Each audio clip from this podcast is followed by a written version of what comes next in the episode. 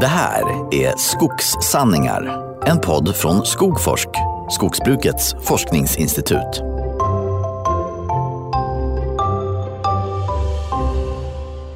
Då är alla välkomna till det tredje avsnittet, fjärde avsnittet är det faktiskt, av eh, Skogforsks podd Skogssanningar. Idag ska vi prata om vilt och framförallt om älg blir det nog. Eh, som vanligt har jag med mig min sidekick Johan Sonesson. Du får presentera dig ännu en gång.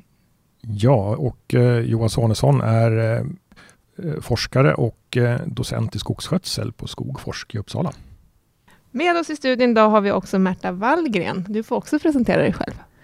Eh, ja, jag är forskare i viltekologi och eh, jobbar huvudsakligen med betesfrågor på Skogforsk. Mm. Du har hållit på ganska många år nu. Jag har varit på Skogforsk tio år och hållit på med det här. Mm. Tidigare i min forskarkarriär höll jag på med lite andra saker. Okay. Mm, men välkomna båda två. Jag tänkte faktiskt att vi skulle hoppa rakt in i den här äh, konflikten kan man väl nästan säga som är mellan äh, Jägarförbundet och äh, skogsbruket. Skogsbruket vill ju ha ner älgstammen då de anser att det inte går att plantera tall för det är för mycket betande älg. Under tiden Jägarförbundet å andra sidan anser att älgen är ganska hårt ansatt just nu från alla håll. Och nu citerar jag Magnus Rydholm på Jägarförbundet. Han har skrivit så här, eller uttryckt sig så här i en artikel att eh, klimatförändringar kan flytta älgens sydgräns. Nya sjukdomar har dykt upp. Vissa organisationer vill ha allmän jakt på älg. Vargens koncentrationer pressar ner älgstammen. Skogsbruket vill ha, mer, vill ha hög lönsamhet och ser älgen som en konkurrent. Samtidigt som vi under lång tid har föryngrat skogen med fel träslag. Ja, hur är läget egentligen? Vad ska man tro på? Är det för mycket älg eller är det för lite älg? Måste vi få ner älgstammen för att kunna odla tall eller måste vi få upp tallarealerna för att eh, kunna ha tillräckligt mycket älg? För det första så det här med att eh, problematiken med att odla tall Eh, den gäller ju för det första, alltså mestadels i södra landshalvan. Där är ett väldigt hårt betestryck på, på tall och där eh, traditionen har varit under lång tid att plantera gran. Där man till och med pratar om granifiering. Och det är inte, situationen är ju inte på samma sätt i norra landshalvan, där det finns väldigt mycket tall. Så att eh, problemet behöver ju ofta brytas upp. Ehm, om man pratar generellt om brist på tall, då finns det många som inte känner igen sig i det i andra delar av landet, men som också har problem med betesskador på tall. Så konflikten är många gånger att man pratar om varandra? Man generaliserar och tycker att... Kan vara, eller att uh, man inte känner igen sig i det som målas upp, den situation som målas upp. Men det här med granifieringen i södra Sverige, är det på grund av betestryck Johan, eller är det något annat? Att granen råkar växa bättre? Eller? Alltså betestrycket spelar säkert in, det, det tror jag, men, men det är också, alltså gran är ju ett, ett bra trädslag så tillvida att det är, alltså det, det är lätt att föryngra. Eh, och industrin efterfrågar gran. Alltså, om man som skogsägare ska lyssna på på industrin i södra Sverige så är det ju gran de efterfrågar och betalar bäst för. Men, men i norra Sverige, det är väl ofta där hör man talas om de här vandringsälgarna och det är stråk där man inte kan odla tall och det är hårt betat och man får inte ens föryngringarna godkända av Skogsstyrelsen och sådär. Och det är ju i norra Sverige man hör talas om det här. Mm. Men då hänger ju inte problematiken ihop med att man har ersatt eh, tallmarker med gran. Då är det ju inte det som är eh, en, en viktig delförklaring oftast. Vad är förklaringen då? Där uppe? Mm. Ja, det är, det är ganska enkelt egentligen. Det är en mängd djur som delar på en mängd föda. Och eh, vintertid så är tall stapelföda för älg. Eh, så i norra Sverige så ska de livnära sig på den tall som finns. Och då blir det betesskador, speciellt när de ansamlas i områden med, med ungskogar som blir hårt ansatta. Det är ju så att det kostar ju energi också för älgen att vandra runt i landskapet och leta fram sin föda. Så det är kostnadseffektivt att eh, gå till områden med ungskogar och, och vara mer stationära vintertid. Man slipper pulsa i snö. Och De är bekväma som vi helt enkelt. Ja, ja. lite grann. Ja. Så att det handlar ju om, om, mängden djur som ska dela på mängden tall. Men det här kan ju inte vara ett nytt fenomen, utan det, så här måste det väl alltid ha varit? Eller är det större problem med, med, i de här områdena idag än vad det var för 30 år sedan? För 30 år sedan hade vi ju ännu mera älg okay. i Sverige ja. eh, under 80-talet än, än vad vi har idag. Men diskuterade man älgskador i skogsbruket då? Ja, det är klart man gjorde för 30 år sedan. På samma sätt som idag? Eh, på samma sätt vet jag inte. Det var då jag gick på Skogshögskolan så nog pratades det mycket om, om älgskador då också tycker jag. Eh, och, men det här med, med eh, alltså älgvandringen i, i norra Sverige eh, och, och eh, alltså den låga tallandelen i, i delar av Götaland belyser ju att Sverige är ett avlångt land med väldigt olika förhållanden och, och de här vilt alltså problematiken med vilt och skog ser väldigt olika ut i olika delar av landet. Och, och när, men i debatten så, så, vill man ju ofta måla med den stora penseln. Man vill beskriva det som att det ser likadant ut i hela Sverige och att det är samma problem överallt. Men, men problemet har lite olika nyanser i olika delar av Sverige. Man har ju också en stor variation i vilka klövvilt som finns. Medan i ganska stora delar av Norrlands inland så är det i princip bara älgen. Eh, som är det klövvilt som betar på, på skog. Renar finns ju också, men de betar ju inte på träd.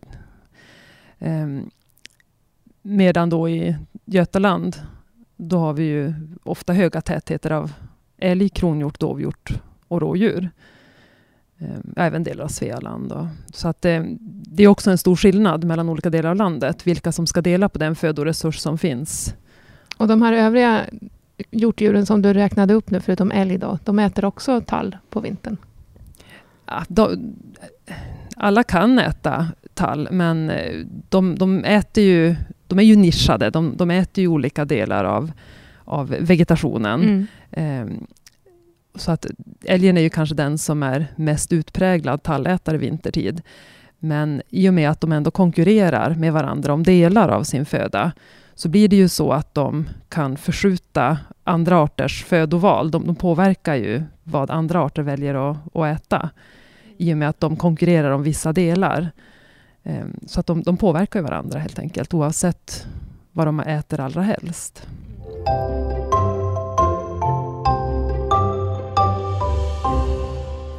Så, så, lösning, om man ska försöka prata lite lösningar för, för en skogsägare i norra Sverige jämfört med södra Sverige, då ska man tänka helt olika om man vill undvika älgbetesskador. I och med att problemet beror på olika saker, eller hur ska, vi, hur ska man tänka? Det, alltså, problemet med, med vandringsälgar i Norrland är ju väldigt svårlöst. Alltså för, för älgarna kommer nog att fortsätta vandra på det där viset oavsett om de är många eller, eller få. Eh, så har man otur och har sin ungskog eller sitt, sin fastighet i ett sånt här vinterkoncentrationsområde så alltså det, ja, det, det är svårt för då, då, då måste man skjuta ner älgstammen i hela i, i, liksom i ett, i en stor, ett stort landskap så att säga upp, uppströms så att säga där älgarna betar på sommaren till väldigt låga nivåer skulle jag tro. Och det kan ju röra sig om att de dessutom eh, de, de färdas över gränserna på älgförvaltningsområden.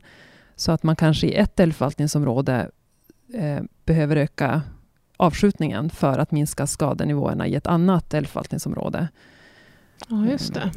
Så att det, det är knivigt med vandringsälgarna. Mm. Och under tiden man är i södra Sverige, hur ska man tänka där?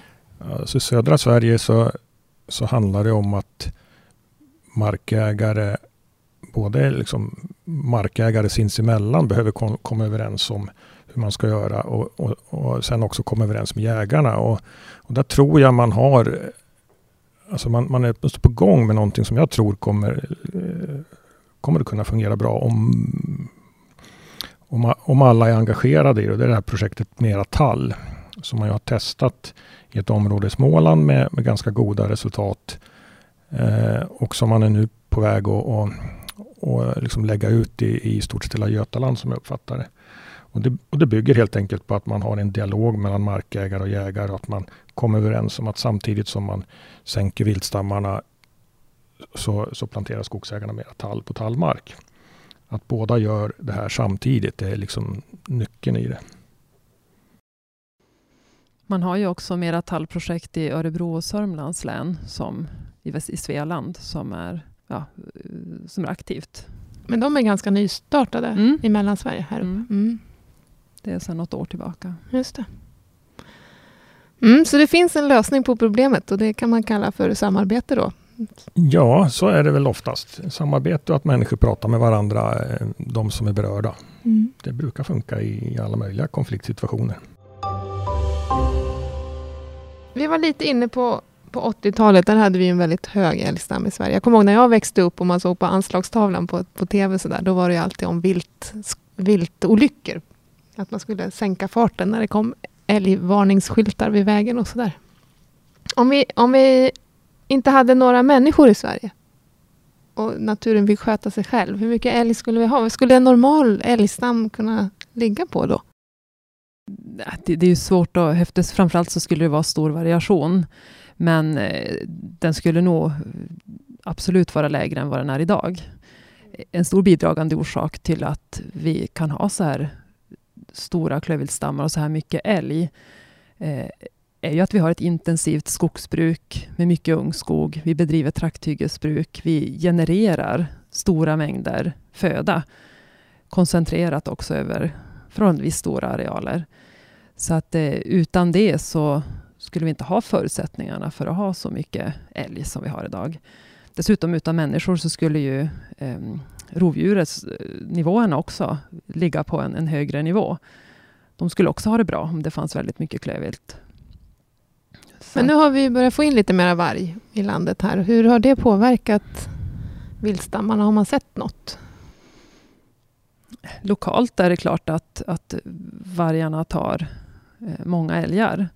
Men det finns, man har sett i forskningsstudier också att jägarna, det finns en tendens hos jägare att, att vara lite, bli lite för försiktiga, överkompensera efter en etablering av ett vargrevir. Så att man kanske sänker avskjutningen för mycket.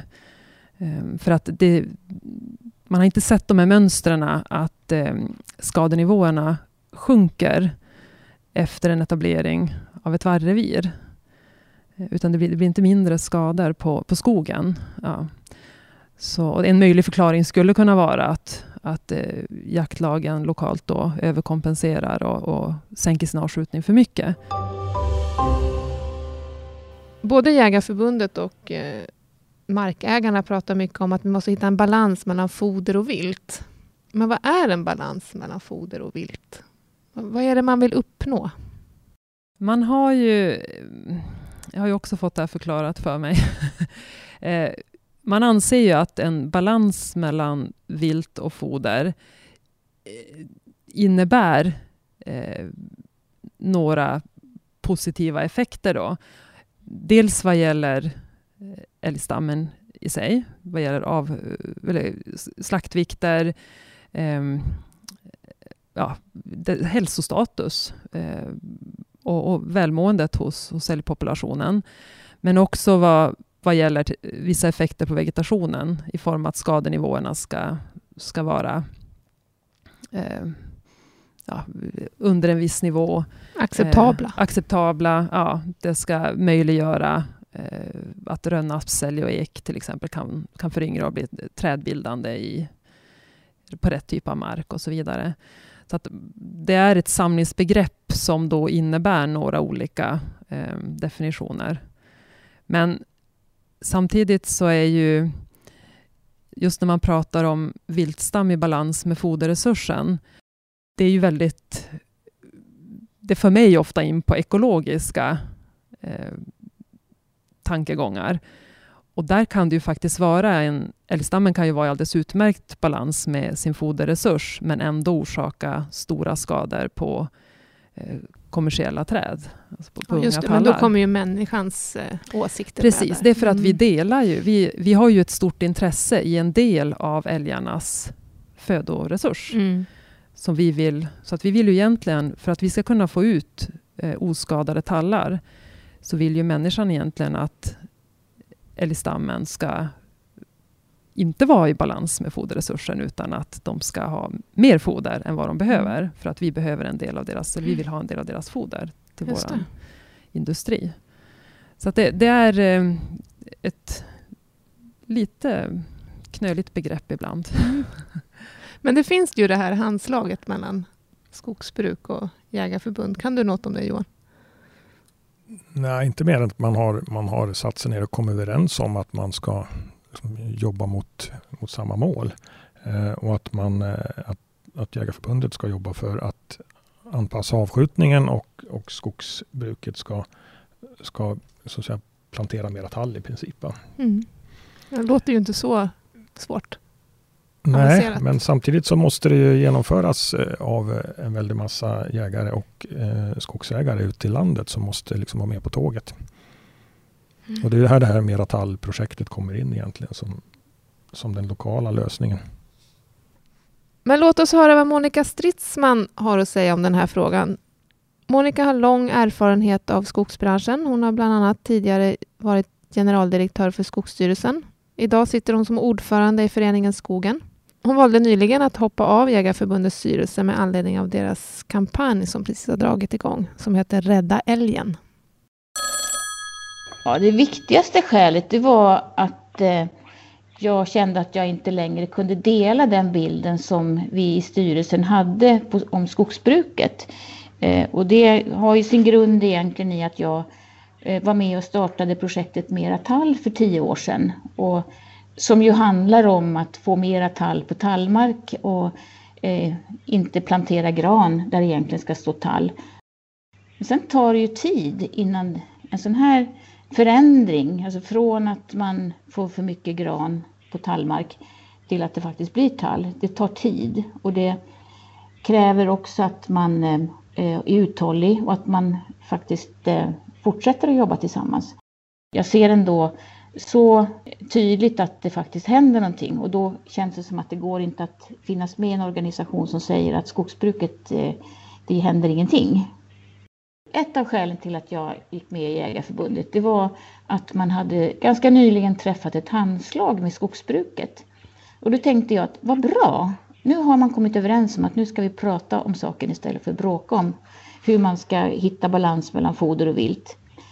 Och där tycker jag ju idag att eh, Jägarförbundet hade kunnat gjort mera i sin egen organisation för att främja att man jobbade på det sättet.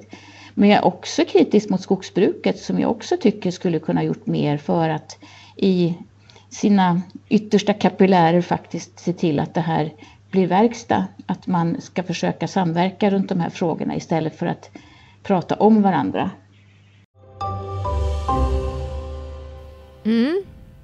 Men finns det någon uppfattning om vad, vad älgbetesskadorna kostar skogsbruket i Sverige? Ja, eh, det, fin alltså det, finns ju det finns en del kalkyler gjorda. Den senaste är en rapport som eh, nyligen publicerades av, av eh, Skogsstyrelsen.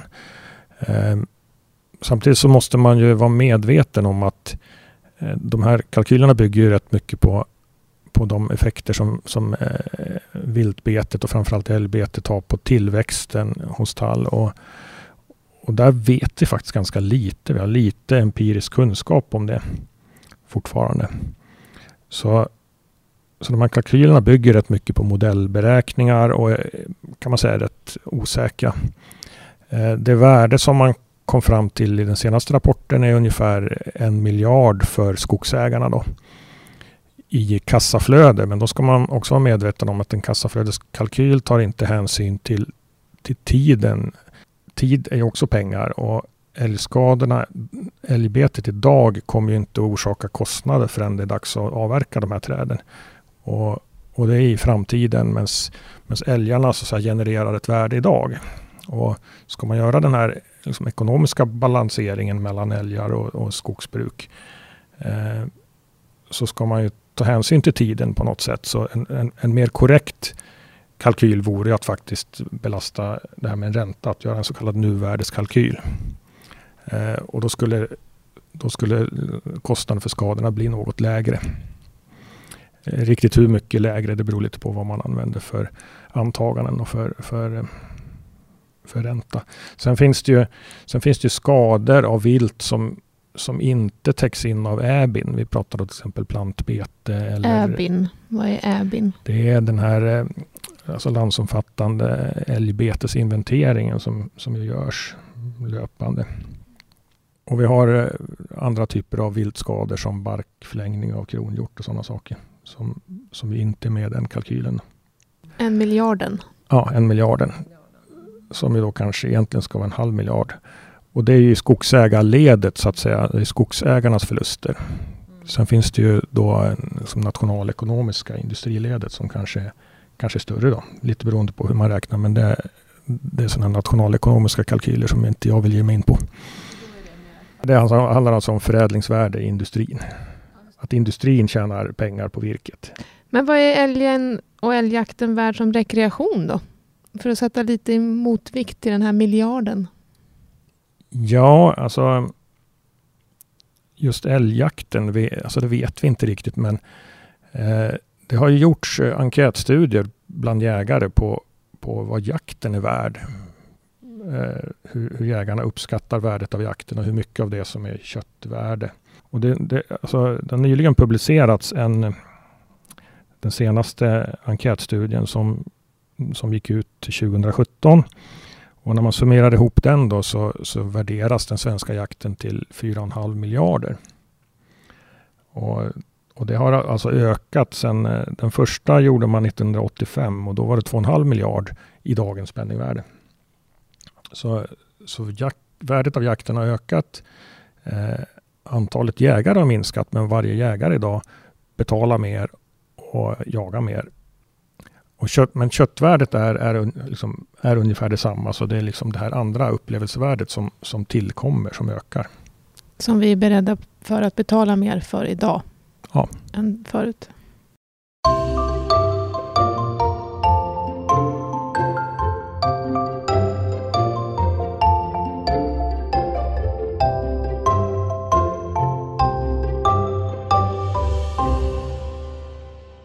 Nästa år så kommer en ny version av rödlistan. Och, eh, I somras så har det börjat sippra ut lite preliminära resultat från eller vad som ska komma i den här rödlista 2020. Och då har Artdatabanken bland annat lyft älgen, att den eventuellt kommer in på rödlistan. Hur ska vi tolka det här? Är det en hotad art? Nej, det är det ju inte. Um, rödlistan är ju det är ju någonting väldigt bra eh, i grund och botten. Men sen har de vissa kriterier som ska uppfyllas då, eller något av, av en, olika kriterier som ska uppfyllas för att en art ska bli rödlistad. Och I det här fallet med älgen så är det alltså en, en sänkning av populationen eh, under tre generationer som ligger till grund för en rödlistning. Men i fallet med älgen är det ju också den populationen regleras ju i princip nästan bara av människan. Så det här är ju en medveten avskjutning, en medveten sänkning av, av stammen. Och vi vet precis hur vi skulle göra om, om vi skulle vilja höja populationen igen. Så att det, det, det är ingen fara för älgen. Men nu kvalar den in då på ett av de här kriterierna. Men eh, ja, vi är inte oroliga för älgen. Nu när vi ändå pratar om rödlistan så kan vi komma in lite på eventuellt förändrat klimat.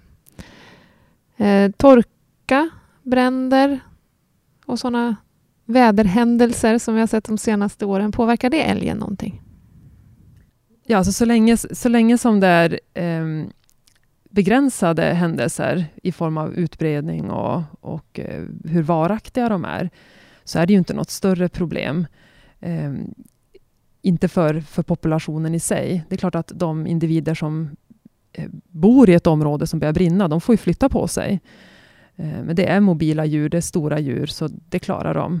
Och sen på sikt så eh, då blir det ju en, när marken återbeskogas och vegetationen kommer tillbaka, så blir det ju en rik födoresurs istället, de här brända områdena. Eh, torka kan ju vara svårare, för det kan ju drabba större regioner eller hela, hela landet. Det är klart att, att unga och sjuka och svaga gamla individer kan dö eh, på grund av foderbrist, men som art så, eller som population så överlever de ju enstaka torkår. Men om man ser framåt, ett varmare klimat som blir varaktigt, det, det kommer ju förskjuta älgens utbredning norrut. Det här är ju en art som inte klarar sig så särskilt bra eh, i den sydliga delen av sitt utbredningsområde. Eh, så de, de, tycker inte om när det blir för varmt helt enkelt. Och, och det finns ju sedan tidigare kunskap om att, att eh, reproduktionen hos älg varierar mellan olika år och, och att det är liksom delvis kopplat till, till sommarvädret. Att du får färre kalvar ett år efter en, en, en varm och torr sommar än efter en regnig och sval sommar. På grund av foderkvaliteten under sommaren.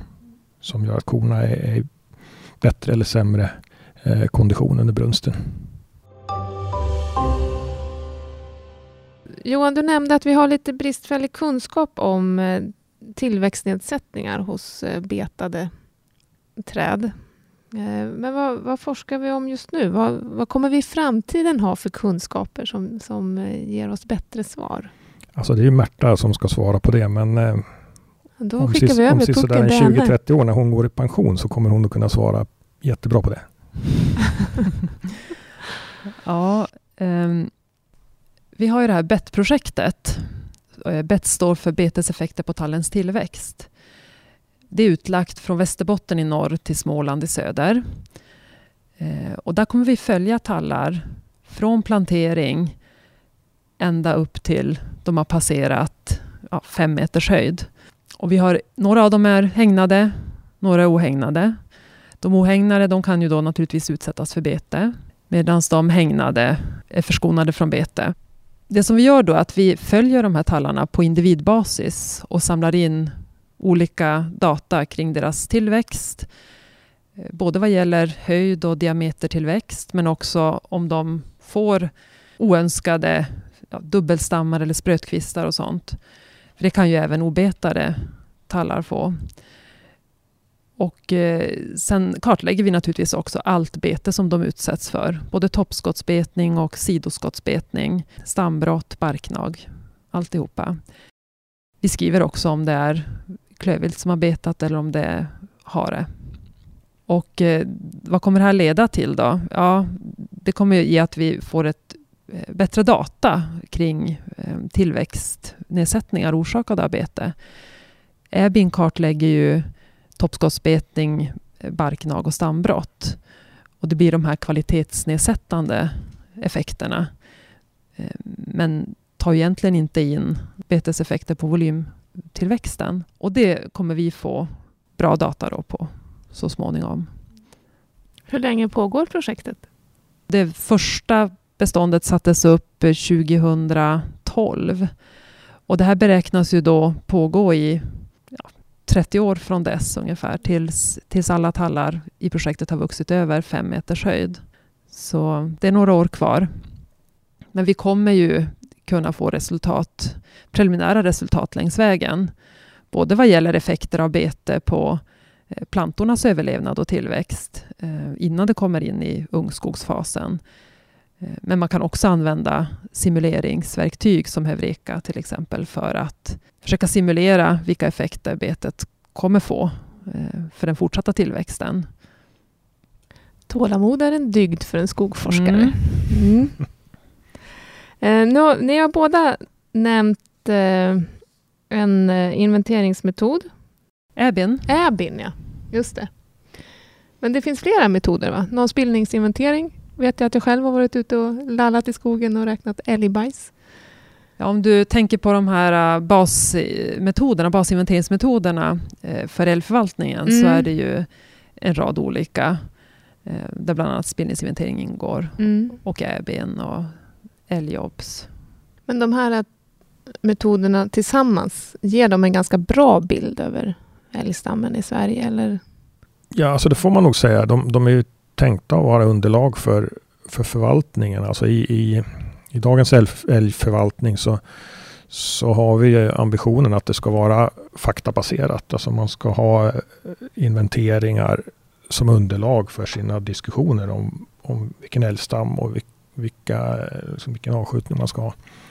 Eh, och det har nog blivit bättre. Alltså jag har varit med rätt länge och, och tidigare var det väldigt mycket tyckande. Alltså det, det, det satt och tycktes från, från jägarsidan och från skogsbruket om hur mycket skador man hade och, och hur mycket älgar man hade. Eh, så det har blivit bättre. Sen går det säkert att förbättra även inventeringarna. Så att, mm, alltså vi, vi har inte hållit på så jättelänge med dem. De utvecklas ju. Och det är ju inte bara eh, älgstammens storlek som eh, man ska följa, utan det är ju också relationen mellan eh, populationerna och den fo det foder som finns tillgängligt. För att en älgstam av en viss storlek kan orsaka olika nivåer av skador beroende på hur mycket tall det finns och hur mycket alternativt annat foder det finns.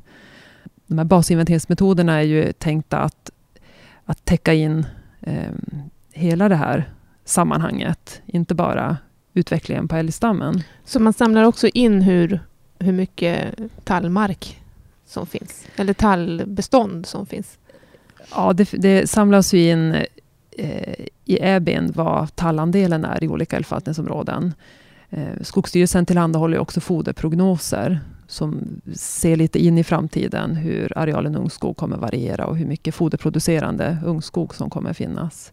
Samtidigt så, så alltså de här foderprognoserna bygger ju på, på Skogsstyrelsen som har kunskap om, om föryngrade arealer och hur mycket som har föryngrats metall under en viss tid. Men sen, eh, du Märta har ju varit med i en studie där ni har tittat på vad älgarna äter under vintern och, och, och där det visar sig att en väldigt stor del av, av det älgarna äter under vintern hämtar de inte i, i, i ungskogarna utan på andra, andra ställen i landskapet ungskogar är ju generellt överrepresenterade som foderproducenter. De, de, hämtar, de utgör en mindre areal än, än den andra skogsmarken. Eh, men de hämtar, den här studien som Johan refererar till, den visar att älgar hämtar ungefär halva sin föda i ungskogen och andra halvan i annan typ av skog och impediment. Och, ehm, eh, det är en studie som ett samarbete mellan Skogforsk och Jägarförbundet. Och den visar då hur viktigt det är att att man faktiskt tänker på vad man gör under hela omloppstiden och i all skogsmark, inte bara i ungskogen.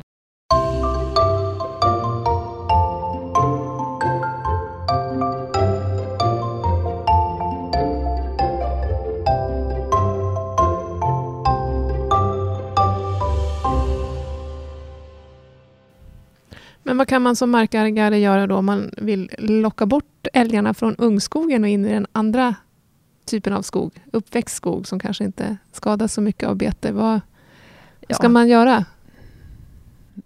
Gärna eh, ha lite, öppna upp lite, ha lite ljusare förhållanden så att det, det kan komma upp ett, ett rikt fältskikt, bäris, eh, lövuppslag på alla typer av marker. Och det här är ju, där är ju ståndortsanpassningen viktig i sig, för en tallskog ger ju andra förutsättningar för, eh, för produktion av, av eh, goda foderväxter än vad granskogar gör. Särskilt sådana här väldigt täta granskogar där det nästan inte lever någonting på marken. Och sen kan man också i, i eh, alltså ibland så gör man ju sån här underväxtröjning i, i skogen inför en gallring till exempel. Och, och ett råd kan ju vara att inte överdriva det. Eh, mm. göra det bara när det verkligen behövs. Och, och vara rädd om framförallt lövträden i underväxten som mm. också är foder. Sen finns det ju mycket punktinsatser man kan göra också. Man kan jobba med att vid avverkningar på vintern till exempel tillgängliggöra toppar, eh, lägga ris i högar som där älgarna kan gå och äta på skotten. Så man tillgängliggör föda på det sättet. Samma sak så kan man tänka foder i längs med skogsbilvägar där man inte kör så snabbt. Eh, så man, man midjeröjer eller knäröjer och låter lövet komma upp där. Eh, kraftledningsgator, kantzoner mot vatten och annan typ av mark. Eh, så det finns ju en del man kan göra, men man får inte glömma samtidigt att det här står ju sig inte, om man jämför då med, med den areal, alltså produktiv skogsmark som vi har i landet, så, så kan det ju som inte konkurrera med ungskogen om att föda Sveriges älgstam. Men det kan bidra, det kan ge tillskott i alla fall. Men om man nu vill lära sig lite mer om det här med vilt och skogsbruk, då har ju vi faktiskt en kurs i det, eller hur Märta? Ja, precis. Vi har ju kursen i viltanpassad skogsskötsel som ges av oss på Skogforsk i samarbete med landsbygdsprogrammet, eller det är finansierat av landsbygdsprogrammet. Eh, och den kursen består av tre olika moment. Det är ett teoriavsnitt som man läser in själv. Eh, det sänds webbseminarier på, som läggs upp på Youtube, där vi gör djupdykningar i olika ämnen relaterat till det här. Och sist men inte minst så bjuder vi in till exkursioner, där man får komma ut i skogen och eh, besöka demonstrationsobjekt, där vi demonstrerar olika typer av röjning och föryngring. Eh, och diskuterar kring hur det här ja, kan påverka skadenivåer och fodersituationen i skogen. Och den här kursen vänder sig till den, den vänder ju sig egentligen till alla som har intresse av de här frågorna. Vi såg nog framför oss ganska mycket personer som tar beslut kring eh, skogsskötsel. Och det kan ju vara allt ifrån kvinnor och män som är yrkesverksamma inom skogsbruket till eh, privata, markägare, privata skogsägare som har sin egen skog. Men sen har vi sett att intresset för det här med frågorna är ju bredare. Att det kommer du besöker även en, människor på de här exkursionerna och som deltar i kurserna som eh, kanske i huvudsak är jägare och vill bättre förstå skogsbrukets möjligheter och begränsningar kopplade till foder och, och bete. Så det, det är jättekul.